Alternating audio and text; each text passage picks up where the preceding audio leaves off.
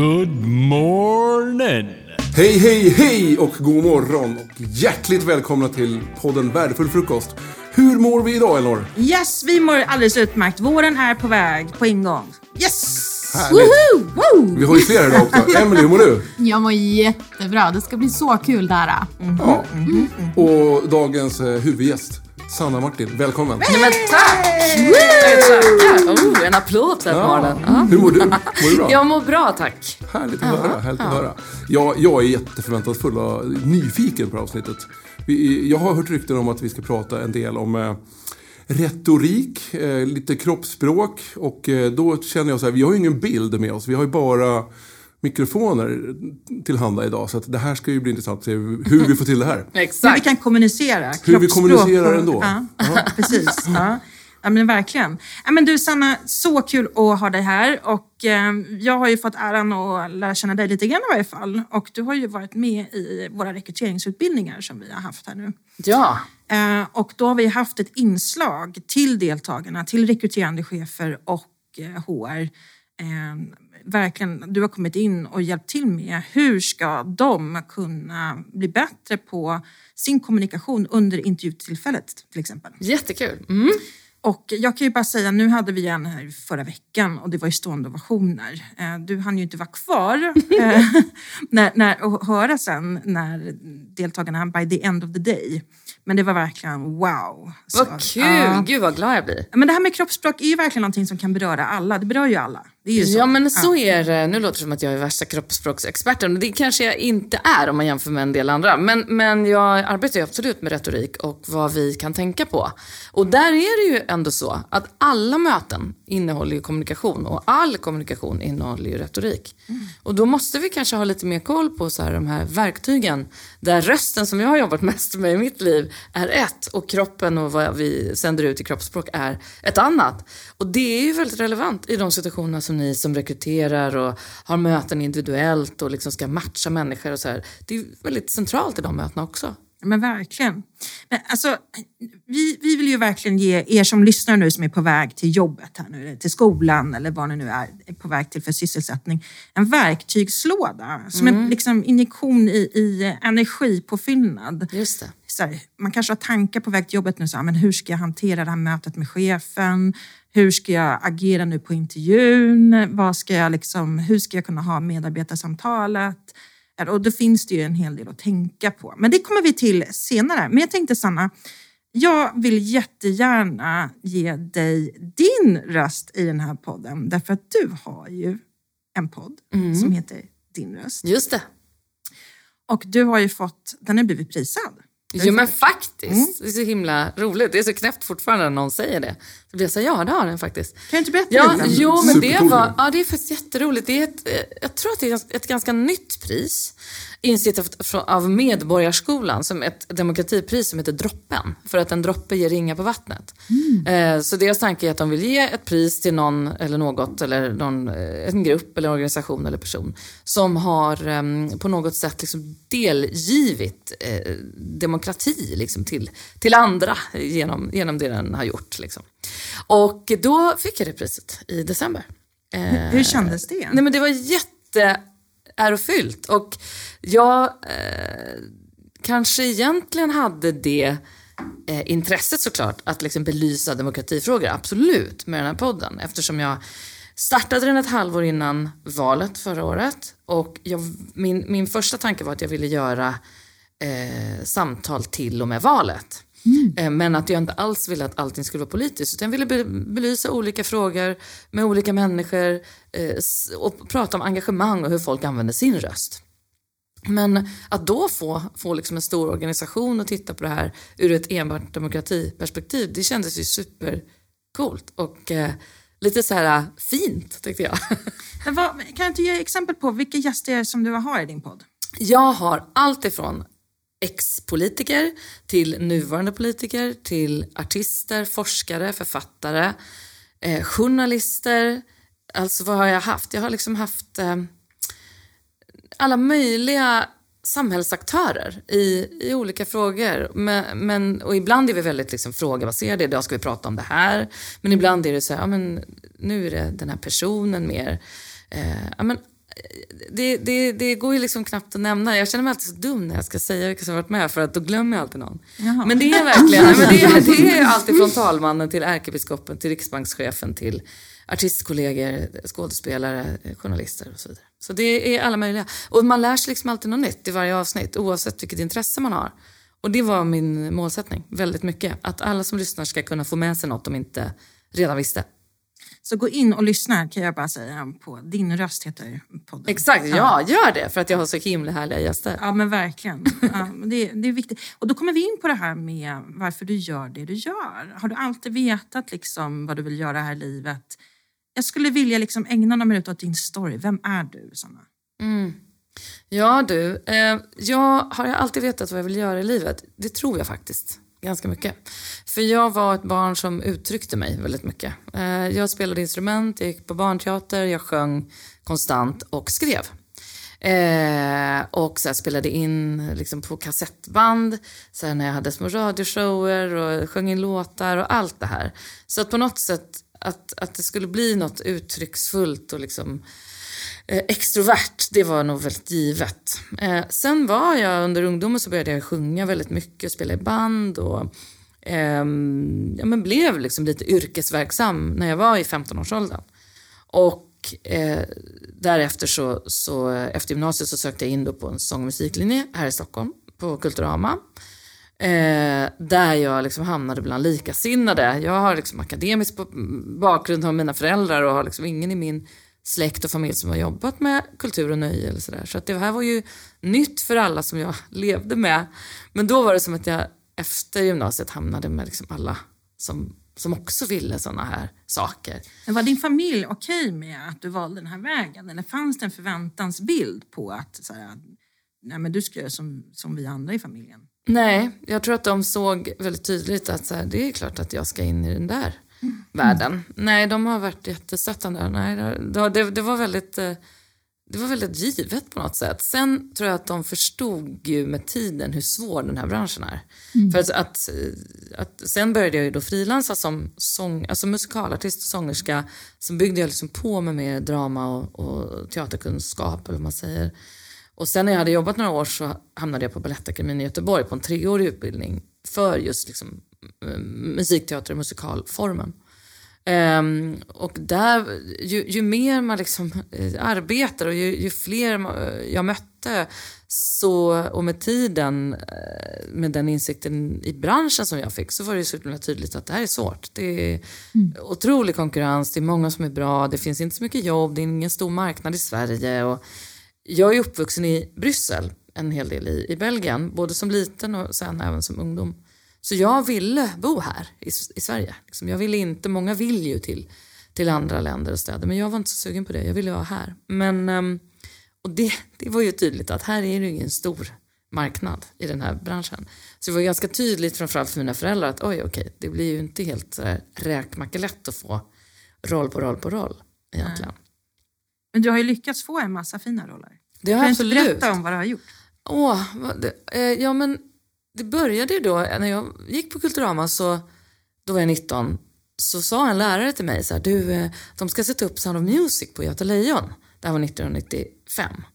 Eh, och nu söker de eh, barnen och du kanske ska söka den här äldsta dottern då som skulle vara 16. Men vad är det som var Sound of Music då? Var Det var Carola och Tommy Körberg. Tommy Körberg, Mm. Och eh, då var jag så visst. Och på den tiden så, eh, om det är någon som lyssnar som liksom kan den här världen nu så är det ju absolut inte så att man bara går till en teater och säger hej hej jag ställer gärna i kö här utanför och är med i föreställningen. Utan det är en ganska omfattande process att ens få gallras liksom, via CVn och brev till att ens få komma på en eventuell audition och provsjungning. Men på den tiden var det verkligen så här, det är den här dagen, det är bara att gå dit. Och då gick jag dit. Och den upplevelsen var min allra första provsjungning. Och det var lite bisarrt för att då fick man liksom gå in i en ganska stor salong där på Göta Lejon. Det tar liksom 1200 pers. Så jag kom in där och bara, "Ah." men jag var väldigt obrydd skulle jag säga. Så jag gick upp på scen där och då, och då tittade de bara på mig. Eh, det var Staffan Götestam vid det laget som tog ut barnen. Och då sa han bara så hur gammal är du? Ja, jag är 19, så jag. Ah, nej men det går inte, du är alldeles för mogen för att kunna söka den här rollen. Men du kan komma tillbaka om några dagar. För då ska vi söka nunnorna. Och det var ju så sjukt att höra när man var 19. Jag bara, okej, ni- nunna, Så du fick, is. du fick inte vara en 16-åring? Nej, jag fick inte ens sjunga. Utan jag fick gå ut och sen så fick jag komma tillbaka en annan dag. Och då var det ju processer med alla möjliga kvinnor från liksom operavärlden och musikalvärlden och teatervärlden och eh, urduktiga människor och jag som var jätteung och ny och grön. Men då processade de ju oss liksom flera åt gången och så hittade olika grupper och klanger. Och då fick jag jobb. Så då, fick, då liksom ringde de mig hem på min pappas typ så här, jobbtelefon, fax, eh, så här stor, en halv meter bred. Så här. Och bara, ja nej, vi, du har fått en roll här som nunna i Sound of Music. Så "Åh." Eh, Vilka, vilka låtar man sjunger då som nunna? Ja men det är ju många av de här How do you solve a problem like Maria? Den såklart. Och sen är det ju mycket liksom andra grejer som man inte tänker på. Climb every mountain till exempel som man är med i. Men då var det ju så himla roligt för att eh, jag, alltså jag visste inte riktigt vad man skulle förvänta sig av att så här, spela föreställningar massa gånger i veckan. Och jag bodde fortfarande hemma så det första var så här, men om du ska jobba kvällar du kanske ska ha en lägenhet. Ja, okej. Och så slutade skolan där, Kulturama och sen, sen så flyttade jag och så började vi repetera. Och det var ju liksom gräddan av alla, allt och alla, den produktionen. Det var liksom Carola och Tommy Körberg. Sen var det Meta Velander och, och liksom Per Morberg. Och, det var mm, tyvärr många som har gått bort. eh, Men det var ju liksom det som jag framför allt tar med mig är liksom en vänskap av, eh, för hela livet i det här nunnegänget som vi fortfarande håller ihop i, i mångt och mycket. Så så började hela min, min frilanskarriär och sen så har jag gått från teater till teater väldigt mycket. Under årens lopp, liksom, framförallt eh, privatteatrar men även lite institutionsteatrar och ett par fria grupper och turnéer med andra artister och sådär. Jag är så nyfiken på att få höra varför du gör det du gör. Alltså vad ligger drivkraften bakom storyn kring eh, vad det är som gör att du har den här podden och också eh, på andra, liksom som två delar. Du är den här podden, du jobbar som skådespelare, du dubbar film vet jag om. Mm.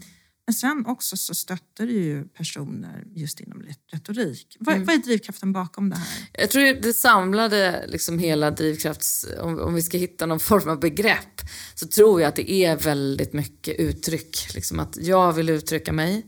Jag har haft ett behov av det. Jag älskar berättelser oavsett om de är sjungna eller talade eller skrivna.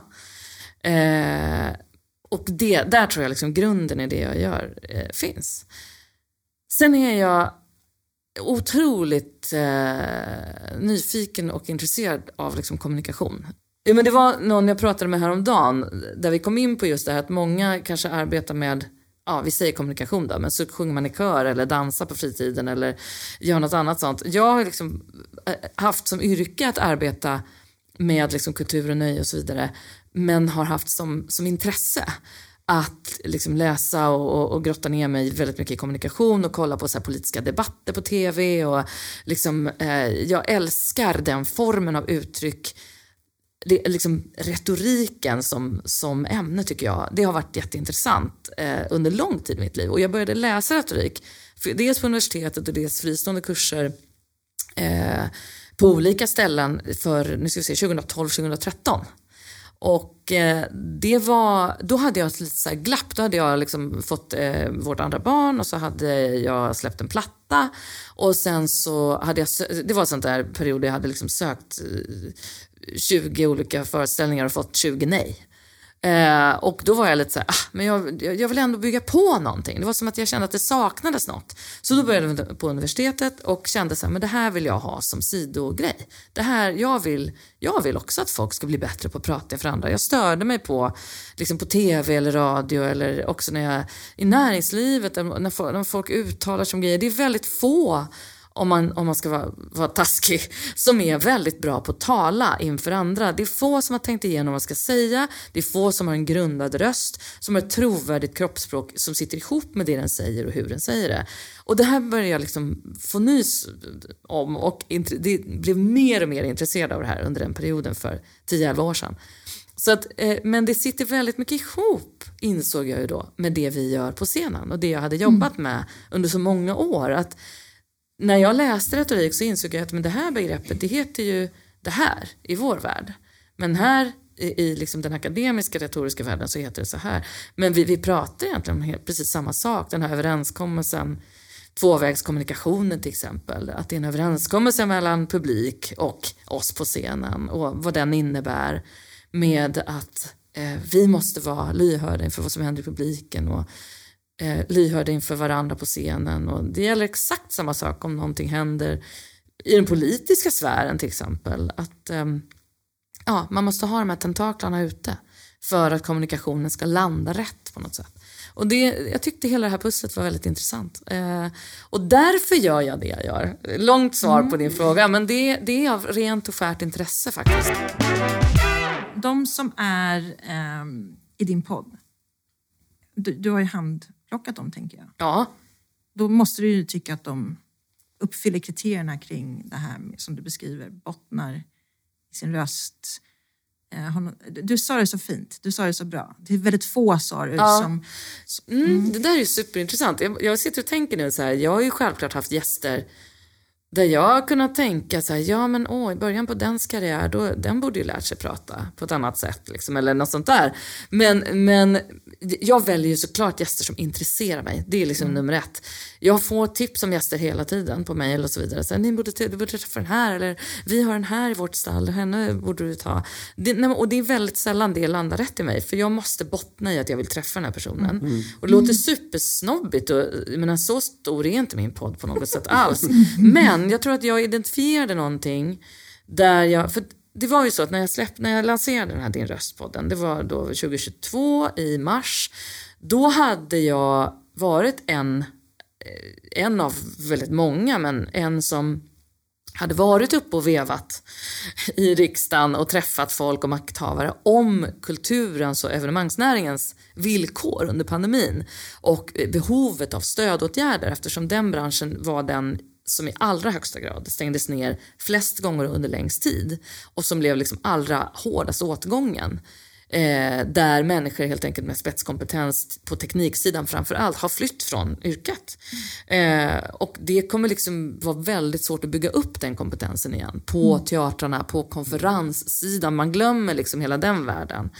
Eh, så det här handlar inte om någon slags kulturkamp. Men där var jag väldigt tidigt ute under pandemin 2020 med att påtala företagarfrågan eh, i, i liksom den här eh, liksom ämnet av att så, Åh, kulturen måste stänga ner och så satt det många och trodde så här, men stackars oss som inte får någon publik lät det som att en del uttryckte. Men det handlade ju inte om det. Det handlar om att det är en drös småföretagare som tvärdör.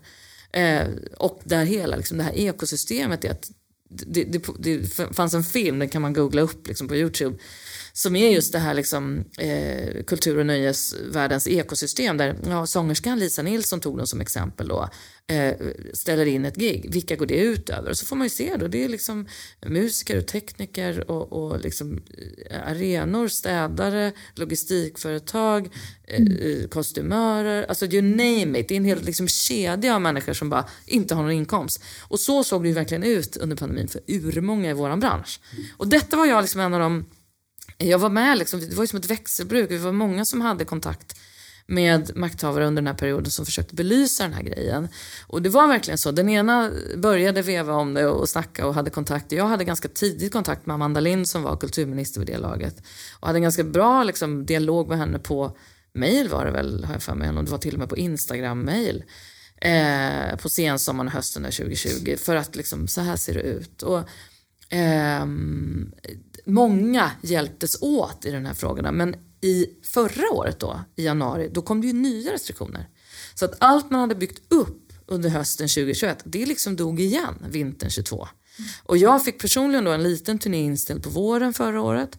Vilket gjorde att jag satt liksom i början av, 2022 och hade liksom en rätt okej plan, för första halvåret i alla fall, som bara tvärdog. Och jag var så här, okej, då måste jag komma på något nytt. Nu gör jag den här podden. För podden hade jag tänkt på redan 2017 när vår dotter blev sjuk inför valet 18. För då ville jag liksom, ja, men jag hade, jag hade hela namnet och plotten liksom klar hur jag ville göra. Så tog jag bara fram det här och ja, då började jag liksom, eh, leta gäster. Och då hade jag rätt klart för mig vilka jag ville prata med om olika saker. Jag ville prata med Amanda Lind om pandemin och kritiken mot henne som var massiv. Eh, och jag ville prata med eh, liksom, de här som hade varit med väldigt länge. Bengt Westerberg, en sån här politiker som jag har sett upp till. Och han var med väldigt tidigt, så det var många som sa ja väldigt tidigt. Och inspiratörer som Kristina Stielli till exempel, som många tycker om att lyssna på, sa också ja tidigt. Och eh, jag ville prata om humor i politiken. Hur, hur, hur roligt tål politiken att vara? Så bjöd jag in Göran Hägglund. Och ville prata med Julia Duvenius, skådespelare, om mod. Att liksom stå emot de här manliga strukturerna på teater och film. Så jag hade ganska många saker som jag ville ta upp tidigt och de sa ja. Vilket gjorde att när jag frågade sen talmannen och så här, ärkebiskopen, då hade jag ju en lista på de här har jag redan haft. Så att liksom, den ena har ju gett den andra, så har det varit. Men ibland har jag ju känt att jag har slängt iväg en fråga på ett mejl. Jag kommer ihåg i somras då, under sommaren 2022 så hörde jag ett sommarprat med Stefan Ingves som då var, var riksbankschef. Och då kände jag bara så jag gick i skogen på landet och bara, hur fasen är det att vara liksom ansvarig röst för Sveriges ekonomi. Det är ett förfärligt stort ansvar. Jag måste fråga honom om han vill vara med. Så skickade jag ett mejl och sen typ dagen efter så hade jag fått ett svar. Ja men han är jättegärna med. Vad va, va, va, ska jag fråga? Vem ska, vad har jag gjort? Då kände jag att det här är för svårt för mig. Men det var ändå precis det jag ville åt. Jag vill våga ställa frågor som är lite vanliga, lite folkliga. Jag har ingen eh, ambition av att sätta dit någon. Jag har ingen ambition av att göra det svårt för någon, att någon ska känna sig liksom, eh, attackerad på något sätt. Jag är ingen skjutjärnsjournalist. Liksom. Utan jag vill ha samtal om mm. saker som berör människor i men, samhället. Men kan du tänka dig att bjuda in gäster där du inte sympatiserar med den personens åsikter? Eller? Oh ja, det har jag gjort. Uh Eftersom jag har haft en ifrån varje parti. Mm. Så att, eh, då kan man väl säga, ja, jag, kan, jag, jag behöver inte sitta här och vara så här hemlig, men, nej, men jag sympatiserar ju, sympatiserar ju varken med liksom, Gudrun Schyman, eh, vänsterut eller Paula Bjäller som är från Sverigedemokraterna. Det gör jag inte. Mm. Men det var urroliga samtal att ha. Och det är ju fantastiskt engagemang de här individerna har gett Sverige. Att liksom vara politiker, det ska vi verkligen ge folk respekt för att de är. Mm. Så på det sättet så har det varit urgivande, även om inte jag sympatiserar. Och det är väl det som är intressant också, att jag, jag vill gärna att mina egna eventuella fördomar ska komma på skam. Och mm. de som lyssnar också mm. ska, ja, ska lära sig något nytt eller sådär. Så att ja, jag är inte rädd för det. Vi har ju värna om ditt värde som vår slogan här på Yes. Och det betyder väldigt mycket för oss. Eh, det är liksom, vi har ju tänkt igenom det här extremt mycket med, men också apropå det här med att handplocka våra gäster till våran podd. Mm. Som då heter Värdefull frukost, värna om ditt värde. Ja, men du hör ju. Ja, vi försöker mm. hitta en röd tråd här. Ja. Vad tycker du om den kommunikationen? Jättefin. Mm. Och värna om ditt värde, menar, det är ju... Eh, ena delen av mig känner så här, gud vad bra och självklart, men gud vad svårt. För hur gör vi det? Men jag tror ju att en del där då utifrån det jag jobbar med är ju att, att, att ta sig själv på lagom stort allvar och faktiskt värna om att man eh, tar sin plats och hörs och syns när det är läge och reflekterar och lyssnar när det är läge. Det är att värna om sitt värde. Det, det vi menar här det är ju också sådär att den som kommer på intervju till exempel väljer ju lika mycket som den blir vald. Mm. Arbetsgivaren väljer också Precis. såklart. Men blir vald. Ja. Så det är ju liksom hela tiden en, en, eh, man glömmer liksom bort det tror jag i de här processerna som vi jobbar med, mm. just med jobbsökarprocessen. Sen jobbar ju vi också med coaching och där är det också väldigt viktigt att bli medveten om sina egna val. Varför? Um, det, det är många, på det här med retorik då, det är många som kommer till mig och säger så här, ja, jag måste göra det här. Och då brukar jag säga det, ja men det där ordet måste, är det verkligen sant? Vad skulle hända om du skulle säga att du vill? Och så märker man liksom hur personen bara, just det, man blir påkommen i det. Jag måste mm. göra det. Mm. Ja, vill, du, vill du söka jobbet? Eller måste du söka jobbet? Just det. Bra. Ja, så, så det där är ju jätteintressant. Retoriken är ju verkligen en nyckel in i vår värld, mm. i allting vi gör. Så fort vi har en intervju, så fort vi har möten hos våra kunder. Absolut. Och sen då utbildningar som vi håller. Men också som coach, det ansvaret man har. Mm. Så att när jag, vi blev ju sammanfösade du och jag Sanna. Mm. Jag blev så himla nyfiken på dig och jag är så glad för det. Så får vi tacka personen där ute vet vem den är. Ja, ja verkligen. Ja, Detsamma. Ja. Också väldigt rolig bekantskap att eh, det blev så här kul. Och ja, men alltså jag tänker Med samarbeten och allt. Mm. Ja, och det är faktiskt den enda gången jag vet, och det här är ju ganska sjukt egentligen.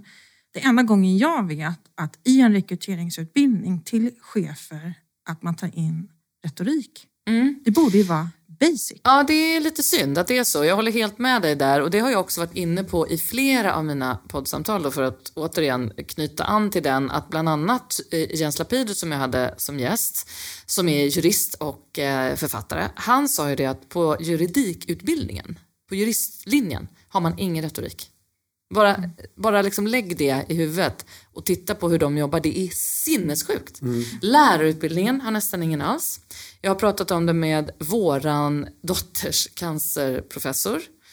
Eh, hur man tar de svåra samtalen. Där har du ingen retorik alls. Det är personer bara helt enkelt som lär sig den grejen. Att liksom det här behöver jag ta på det här sättet. Det är klart att de lär sig situationer. Men de lär sig inte liksom just den här sammankopplingen med möten, kommunikation, röst, riktning, kroppsspråk. Vad kan jag göra för att få ihop mitt budskap med mig själv?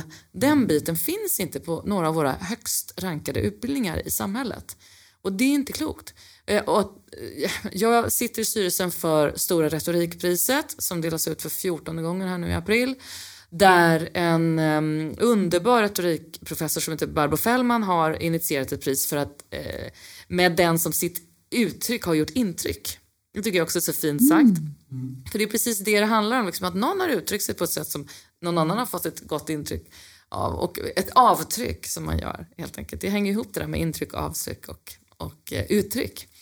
Eh, och det är ju synnerligen också eh, aktuellt i er bransch.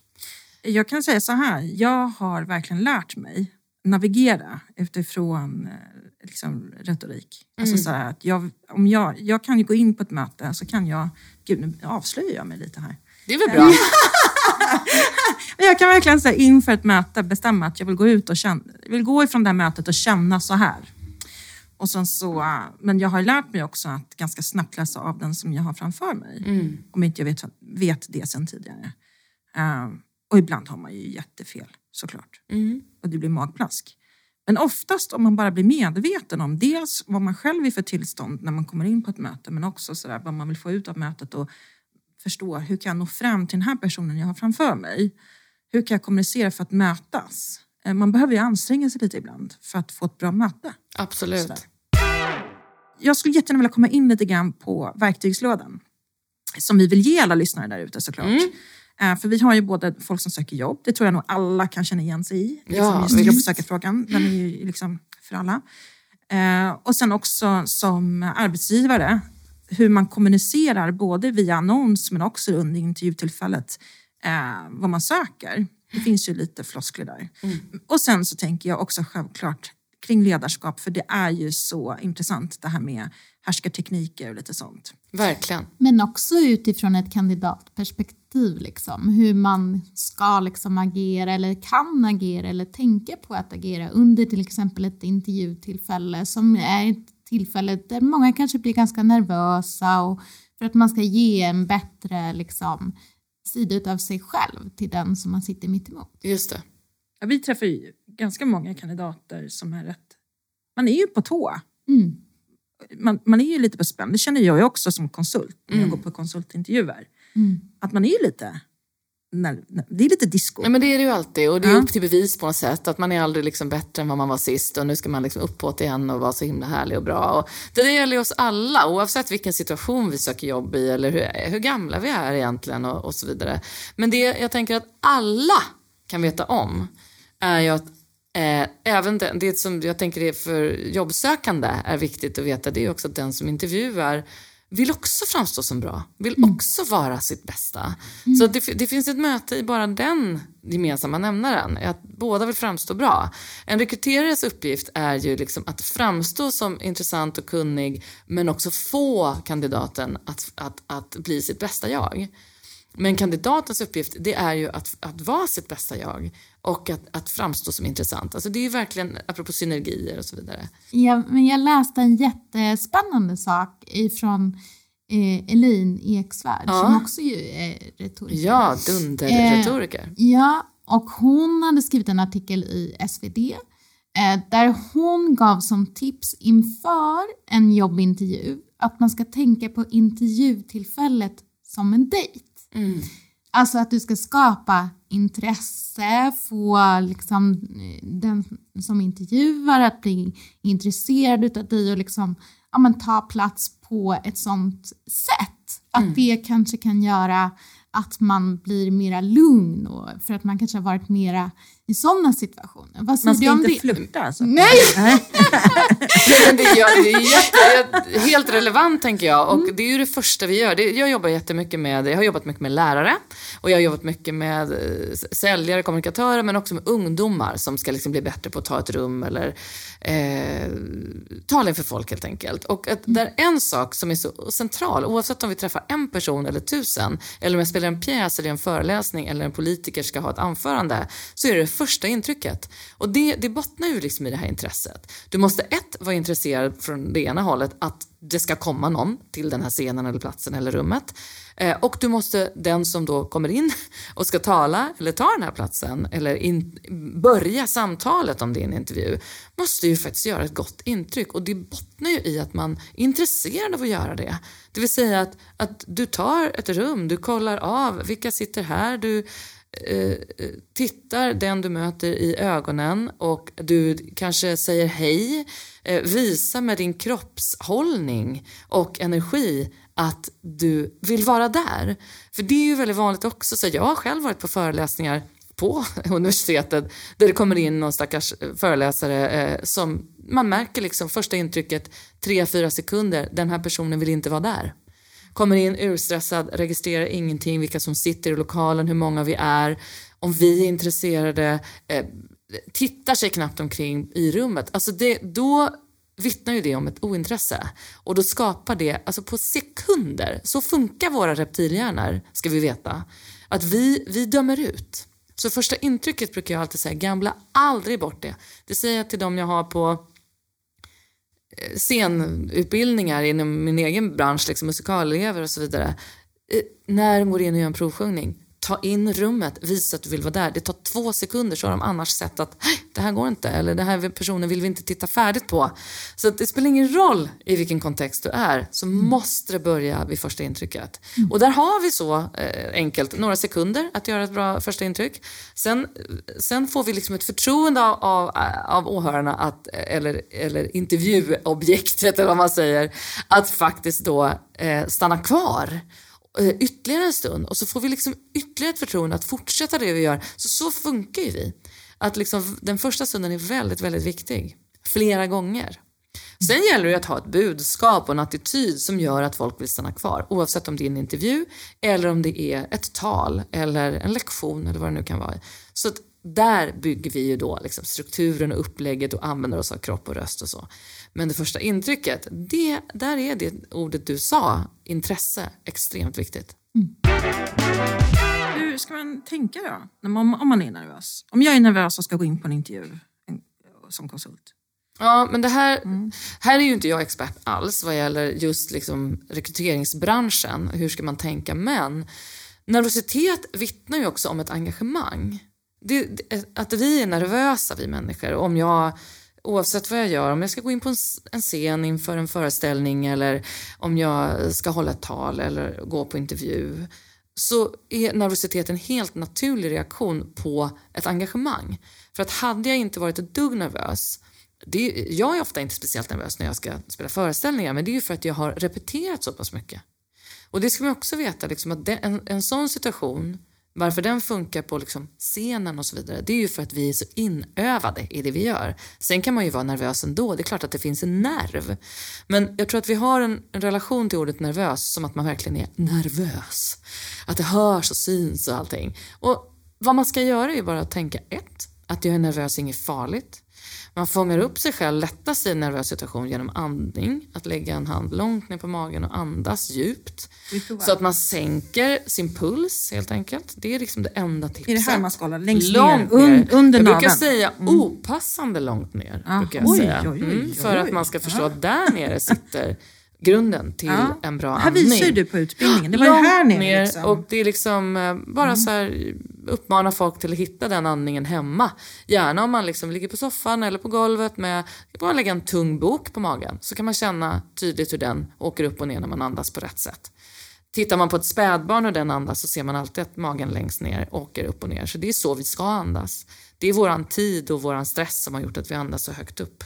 Men är vi nervösa så är det här det bästa tipset. Andas långt ner i magen. Då sänks pulsen och då får vi en lite mer grundad känsla i våra kroppar. Och får vi det i kroppen, ja, då får vi det också i rösten.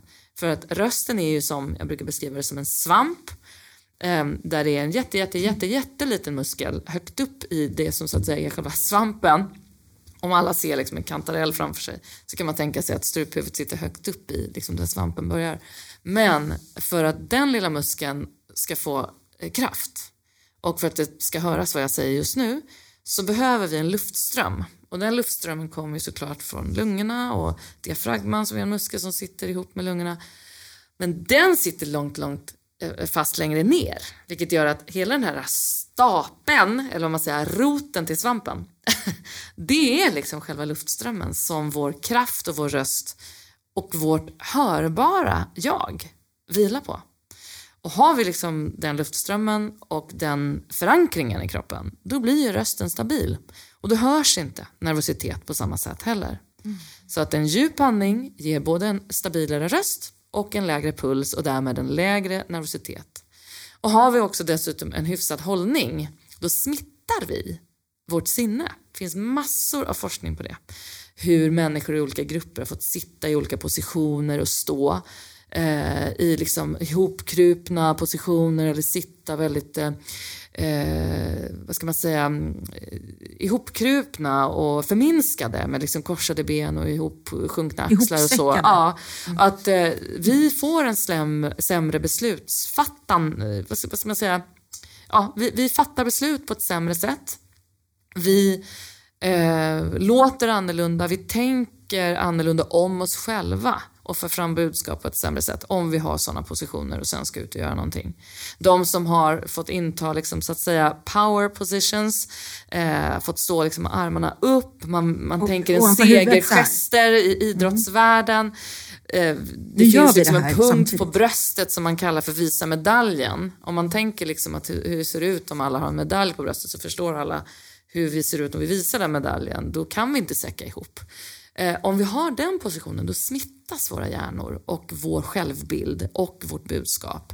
Så att eh, känner man sig superdeppig en dag oavsett vad vi gör eller vad vi ska vara i för situation så är liksom bästa tipset för att motgå ens mindset om man liksom är, det är faktiskt att se till att ha en hyfsad hållning. Jag har ju lärt mig jättemycket tycker jag under åren genom att man också har vågat be om feedback. Mm. Ehm, och eh, jag har ju eh, fått feedback verkligen på mitt ansiktsuttryck när jag har haft intervjuer. Därför att jag är en person som gärna rynkar min panna lite så när jag är intresserad. Men det är svårt för en mottagare att förstå mm. det som sitter på intervju. Liksom. Mm. Men gud, är hon arg? Dessutom så går mina läppar lite ner när jag normal. När jag, när jag inte gör någonting med mitt Om jag slappnar av mitt ansikte så går mina läppar lite neråt. Mm. Och då ser man lite sur ut. Och så tillsammans med en rynkad panna.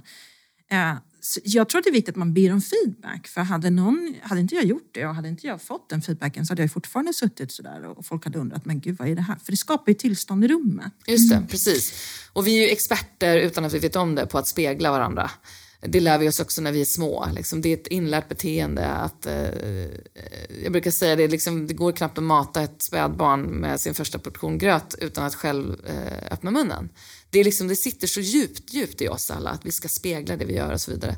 Och därför är det så vanligt att, att vi intar varandras positioner och varandras mimik också. Mm. Men, eh, men det där tycker jag är så intressant också för att vi ser ju helt olika ut. Alla ser olika ut. Vi har helt olika ansiktsuttryck, vi har olika, vi har olika liksom hud, vi har olika olika ögon, vi har olika allt givetvis. Och det ska vi ju embracea helt. Men däremot så har vi ett val kring till exempel hur vår ton är när vi pratar. Om vi väljer att liksom prata så här och knarra utan att ha andats ordentligt. Eller om man liksom pratar helt utan melodi och man låter ganska ointresserad. Liksom. Det är klart att det ger en viss energi än om vi faktiskt andas och pratar och tittar mm. och gestikulerar och använder oss av liksom både pannan och, och leenden och, och rynka och bli allvarlig och nu sitter jag och gör massa gester här som ingen ser. Men, mm. men, men då, då vittnar ju det om ett engagemang och jag tror att engagemang är liksom den röda tråden i allt. Apropå att du sa för ungefär en timme sedan varför jag gör det jag gör. Nej men för att skapa engagemang tror jag. jag liksom, återigen, för, varför jag gör det jag gör. Det gör jag nog för att folk ska känna att man Ja men okej, men jag kan bli bättre på att intervjua om jag har en bättre röst. Eller jag kan faktiskt bli bättre eh, ung musikalartist om jag ser över hur jag kommer in i ett rum. Eller eh, jag kan faktiskt eh, uttrycka mig eh, kortare eh, för att få uppmärksamhet i min klass i mitt klassrum om jag gör så här istället. För att ofta, så, vi kan göra val eh, med våra retoriska verktyg. Men ibland är det som att vi tror att de sitter ihop med bara för att liksom, ja okej okay, jag är född med de här kinderna och den här munnen och den här pannan. Ja, jag måste ju inte låta på ett visst sätt för det. Eller ha en viss hållning för det. Det är faktiskt ett val jag kan göra. Men det är ju ett skådespeleri också tror jag. Alltså den som söker jobb eh, gör ju allt vad den kan för att passa in. Mm. Uh, och, jag tror också att det blir ju från början en, en obalans i mötet just på grund av att jag som rekryterare har någon konstig roll att jag ska försöka få personen att sluta spela ett skådespeleri. Mm, just det. Jag ska försöka hitta den autentiska jag. Absolut. I en ramsättning där det är legitimt att försöka sälja in sig själv. Ja. Alltså det är så intressant. Verkligen. Eh, och det är väl det som vi pratar om väldigt mycket också inom rekrytering. Alltså så att vi, vi, har, vi rekryterare har ju en, en, ett sjukt ansvar. Vi ska liksom eh, vi ska vara som en AI-robot helst. Ja. Vi ska vara superrationella. Mm. Men alltså jag brukar prata mer om att vi behöver använda våra sinnen och göra det på rätt sätt. Och därmed, för att kunna ta bra beslut, måste du ha koll på din egen skit. Verkligen, men så är det ju. Och det var som jag nämnde på den utbildningen vi gjorde häromdagen.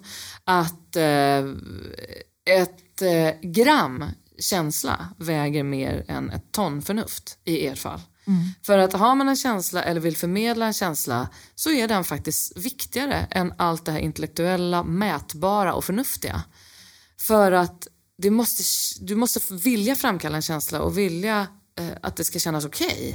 För att det är ändå en situation där kandidaten blottar sig. Mm. Det kan du liksom aldrig komma ifrån på ett eller annat sätt.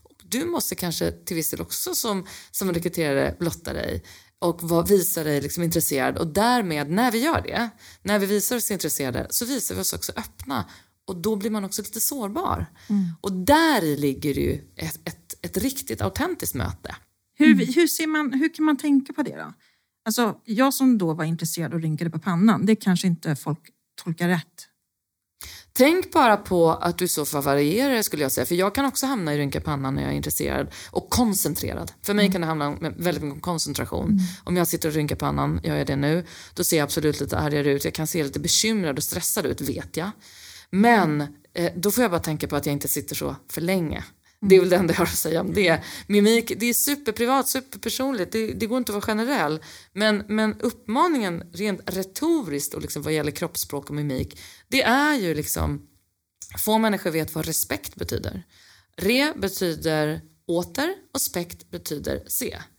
Och att visa respekt, det innebär ju helt enkelt att återspegla, återse, återkoppla.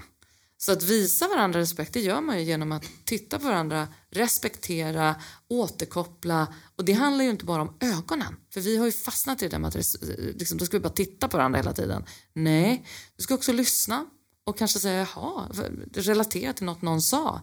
Och där handlar det om att vara öppen, återigen, öppen och lyhörd. Och eh, lite också på att det räcker ganska långt, det där intresset och engagemanget. Men det här jahaet kan ju också sägas på olika sätt. Det kanske man ska det tänka kan på. det göra. Ja, men Det där kommer vi in på något jättespännande tycker jag. Just det här med rösten. Alltså hur man, var man lägger röstläget någonstans. Alltså, du kan ju sitta liksom och prata och inte använda ditt kroppsspråk, men ändå liksom höja och sänka rösten för att skapa eller visa ett intresse. Men när man lägger på kroppsspråket så förstärker man ju den här känslan som man vill förmedla tycker jag. Så jag tycker det är så spännande, allting hör ihop liksom. Det hör verkligen ihop. Och jag lärde mig när jag var jätteung på teaterverkstaden att det finns ett talesätt som heter om halva publiken är döv och den andra halvan av publiken är blind. Vad kräver det av mig då på scen? Och det, ja, jag kan fråga er, vad tror ni att det kräver? Ja, både och då såklart. Ja, precis. Att en, den ena halvan måste få historien berättad utifrån det den ser. Och den andra halvan ska få samma historia berättad för sig utifrån det den hör. Och det, därför måste det sitta ihop. Och sen har vi liksom den tredje komponenten i det fallet och det är ju själva innehållet, budskapet. Det vill säga i ert fall frågorna på en intervju, eller i mitt fall som, som artist säger vi då, eh, sångerna, texterna, berättelserna. Sen hur det görs, ja det är via kropp och röst. Liksom. Och på vilket sätt det görs, ja men det är via kunskapen då. Liksom eh, energi och tonalitet och pauser och andning och engagemang. Och liksom, det är ju, där är ju alla de här retoriska etos, patos, logos väldigt viktigt. Att eh, etos talar liksom om vem det är som, som eh, gör någonting och logos det är själva innehållet, liksom, budskapet. Och patosdelen som är det är ju hur helt enkelt och den kan man liksom inte glömma bort för det, det, där sitter engagemanget. Igår så stod jag i kön på um, Coop. Och eh, det är en eh, person som inte lyckas betala eh, med sitt kort. Och bara på några minuter så märker jag hur folk liksom smittar av sig i kön. Eh, så jag gjorde ett litet experiment. Jag pratade faktiskt med, med dig Niklas i telefon strax innan. Så jag tänkte så här, inför podden idag, så tänkte jag så här, undrar om jag, bara, om jag skulle ställa mig och le längst fram här nu, nu när jag står längst fram. Eh, undrar om jag kommer smitta resten av kön. För när den som betalade inte lyckades så eh, stod alla och suckade. För den personen var väldigt frustrerad. Men när jag stod längst fram så stod jag och log. Och så stod jag så här, ja du vet, tittade lite på folk och tittade bakåt och sådär. Och då är folk i ett helt annat tillstånd. Eh, är det sant att, att kroppsspråk smittar? Absolut, och inte minst när vi eh, är få som liksom då ser varandra, som vi sitter nu runt ett bord, fyra personer. Vi, absolut, vi tar efter varandra. Det är den här speglingen som jag sa tidigare. Det är vida känt, så är det definitivt. Och, och där, man behöver ju inte vara på något sätt intresserad av retorik för att veta att vi människor smittar. Det sägs ju att det smittas när man gäspar, smittas definitivt när någon gapskrattar. Det är svårt att sitta tvärsur bredvid när någon får ett skrattanfall. Eh, det, det, det, det, det smittar. Allt sånt här smittar. Men det där är en väldigt liksom, vardaglig situation som många kan känna igen sig i. Jag hade ju vissa dagar i veckan absolut varit en sån hemsk som suckade. Men någon dag hade jag säkert varit den som gick fram och så här, men det är ingen stress.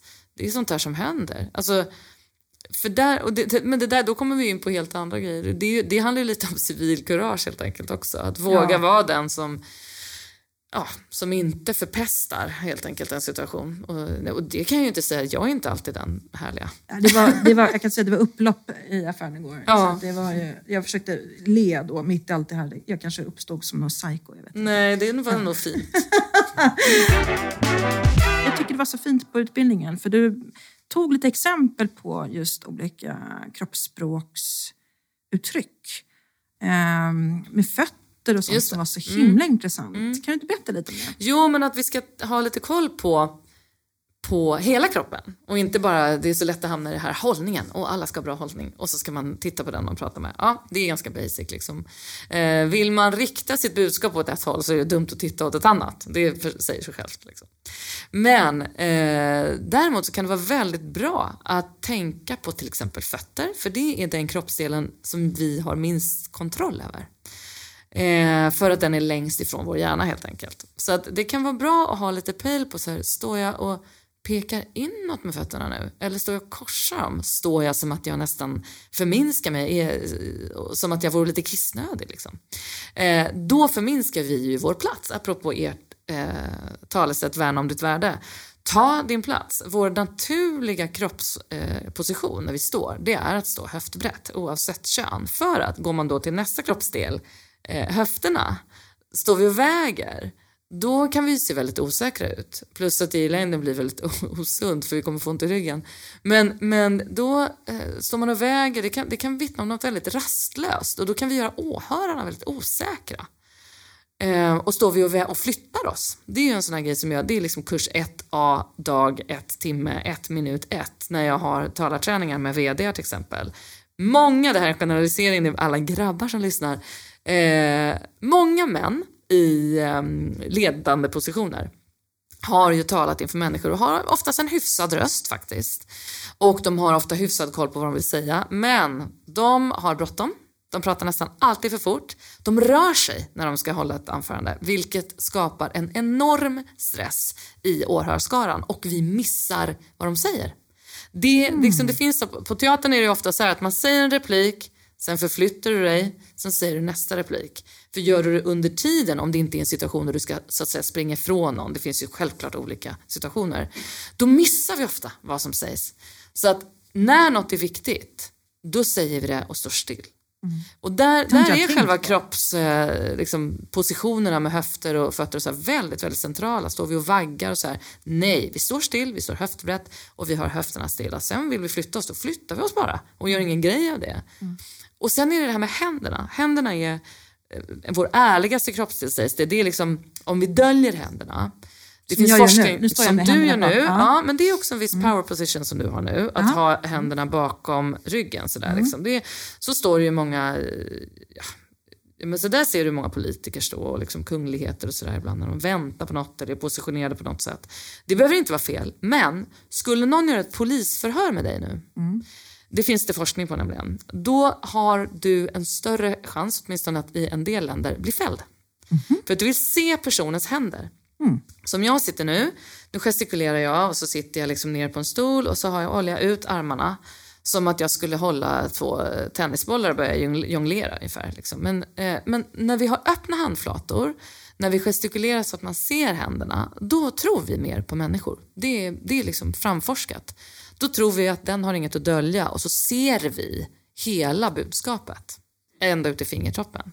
Så att, att ha lite koll på de olika kroppsdelarna, eh, det är ganska bra. Och samma sak om du liksom står och, och ska liksom det kan vara till exempel att du är flera talare i en situation och så, så är du nummer två så, så, så vet du att så här, om 30 sekunder är det jag.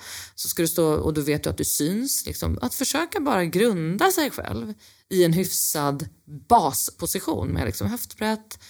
Okej, jag står inte och väger, mina händer, mina armar är här. Om du står och håller ett kort så liksom, kan du samla båda händerna på liksom, att hålla kortet i. Eller så knäpper du, lägger du den ena handen i den andra. Eh, du kan också ha fingertopparna mot varandra. Nu sitter jag och gör allt det här. Liksom. Men, men alla som lyssnar kan själva prova. Då, då hamnar du ofta i så här, ganska basic positioner där du inte döljer något och där du inte förminskar dig själv.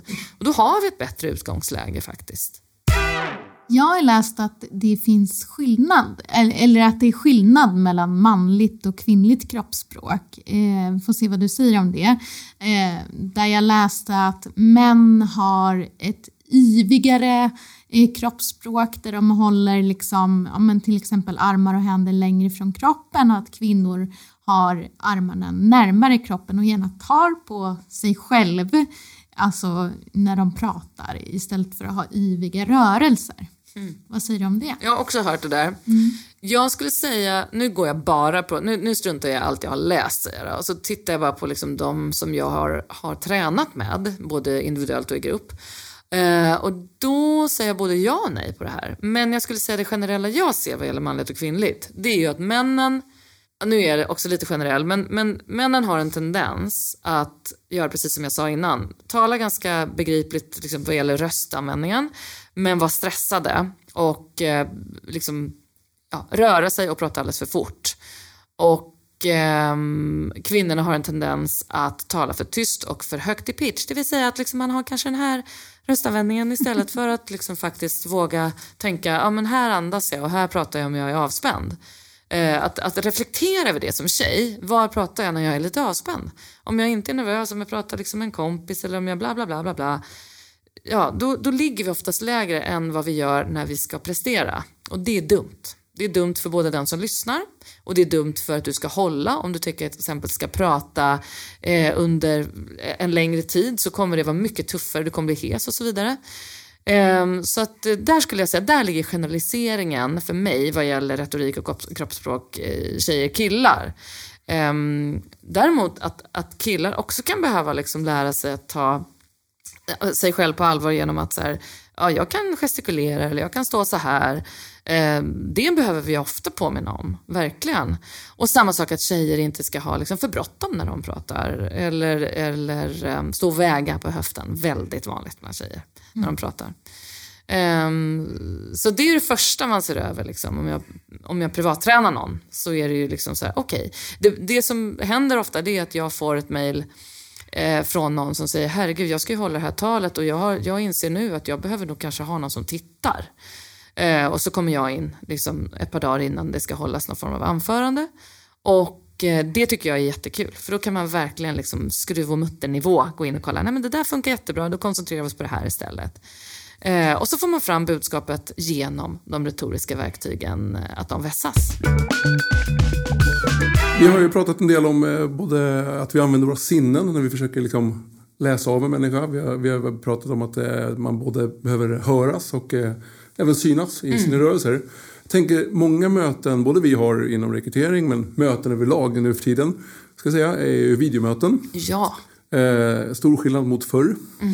Eh, många väljer att ha väldigt mycket närbild där det kanske bara är axlar uppåt.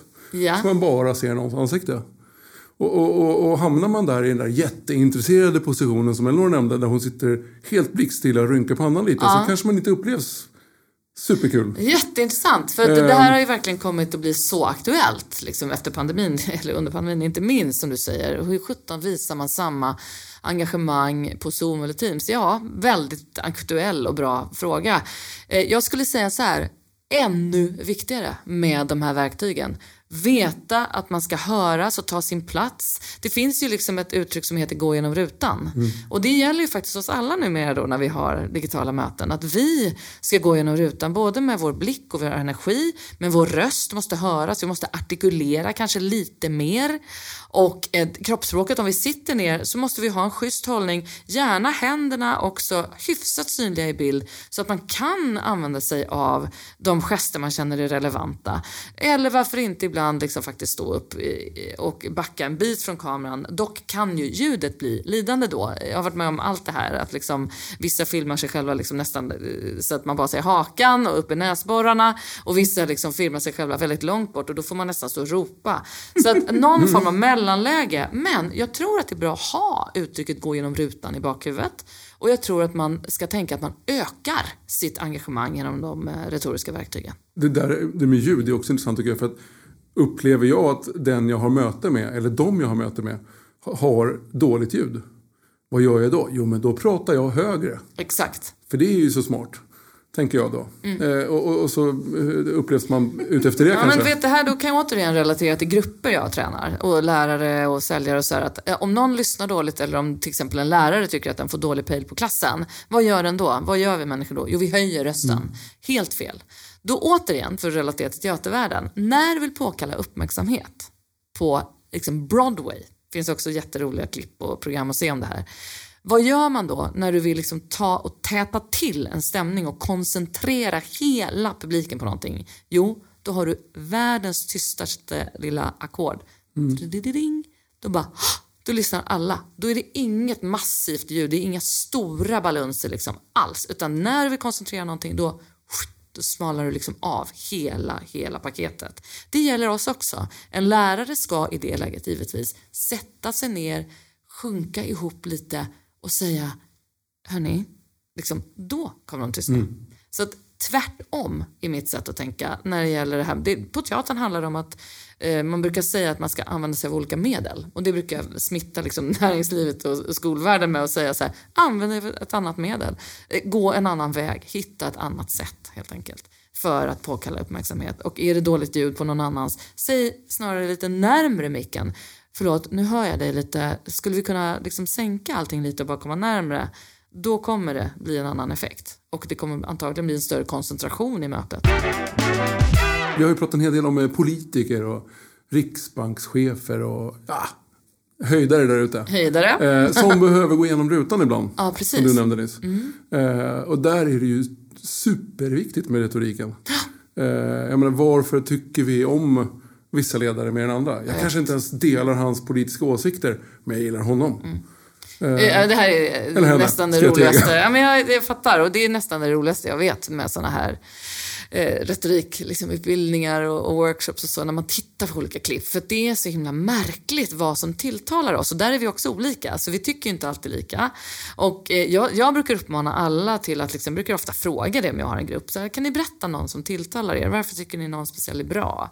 Eh, det kan vara oavsett, oavsett liksom en, en, en, en näringslivsmänniska de har träffat eller en, eh, en lärare de har haft som gjorde något speciellt eller en politiker de gillar att lyssna på eller en artist de alltid, alltid hamnar tillbaka hos. Vad får någon? Och då hamnar man ofta i att det är någon som får en att känna någonting. Så det är den här patosdelen, det är hur någon gör någonting. Eh, och där, det går inte att ha en trovärdighet utan den här patosdelen. Det går inte att vara trovärdig utan att ha ett engagemang. Det går inte att vilja någonting utan ett engagemang. Så att jag kommer hela tiden tillbaka till det ordet, engagemang och trovärdighet. Det finns liksom inget annat mm. om du vill gå igenom rutan eller om du vill bli en sån som folk säger så här, men jag, jag har alltid gillat att lyssna på Elinor. Ja, men då, om du vill bli den personen så måste du ha vissa av de här grejerna. Och då går inte, det går inte att komma undan Nej. engagemang och trovärdighetsbiten. Ja, man, och man måste nog vilja få ut sitt budskap. Liksom. Precis. För, för, för de här... Äh, på högskolan, mm. äh, en professor som är superduktig på sin grej ja. men inte vill prata om det. Nej. Det blir ju ingen bra föreläsning. Men då tror du inte på den personen. Nej. Och om vi inte tror på den personen, då stänger vi liksom av. Jag läste någonstans också att det var en ganska, nu vill jag inte säga några procent för jag kommer inte ihåg hur många procent det var, men det är många som inte går alla led i den karriär de har tänkt sig för att de inte vågar just stå att pra och prata inför mm. folk. Precis, det är den vanligaste ångesten vi har i, ja. i Sverige. Jag tror att det är, jag har läst en siffra som är 45 procent liksom har värre eh, ångest att tala inför folk än, än, um, än att dö faktiskt. Men jag tror att den siffran är högre. För att det är liksom vanligare att vara rädd för att ta sin plats inför en grupp. Eh, för att vi vet ändå, alla vet att någon någon gång ska dö. Eh, så att alla går inte runt och är rädda för det hela tiden. Men just det här, eh, det här är någonting så otroligt fundamentalt i många människor. Och ehm, vad det beror på, det kan vi ju liksom sia om i, i liksom år och dag. Men jag tror också att mycket där är ju att vi, vi bör egentligen lyssna på varandra på det sättet en fyra femåring tar sig själv på allvar. Det finns inga som har den självkänslan eh, liksom, senare i livet som, som barn i den åldern där man tror att de är liksom, de kan allt. De är bäst på allt. Det är liksom otroligt att de ens är här. De, de är liksom Guds gåva till mänskligheten. Och det är fantastiskt att ha den energin och att värna om sitt värde på det sättet. Det tänker jag att vi ska smitta varandra och oss själva med så att vi vågar höras och att vi vågar lyssna och vågar fråga. Våga reflektera tillsammans. Liksom. För vågar man det så, så tror jag att då kanske man blir tryggare i att själv ta sin plats och våga prata faktiskt. Ja, eh, en klassisk eh, fråga kring retorik är härskarteknik kring ledarskap. Det är många som jag träffar som råkar ut för ledare som använder sig av det här. Mm. Ehm, skulle du bara kunna säga ringa in. Vad är typiska signaler på härskarteknik? Um, ja, men det är, man brukar prata om fem punkter som är absolut vanligaste. Uh, och det är ju då att man osynliggör. Det, det krävs nästan att man liksom talar om vad varje, varje är egentligen.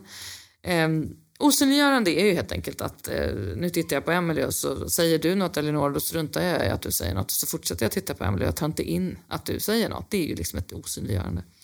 Och eh, även förlöjligande är ju en, en sån grej, att liksom raljera. Att, Jaha, Niklas, du undrar det ja.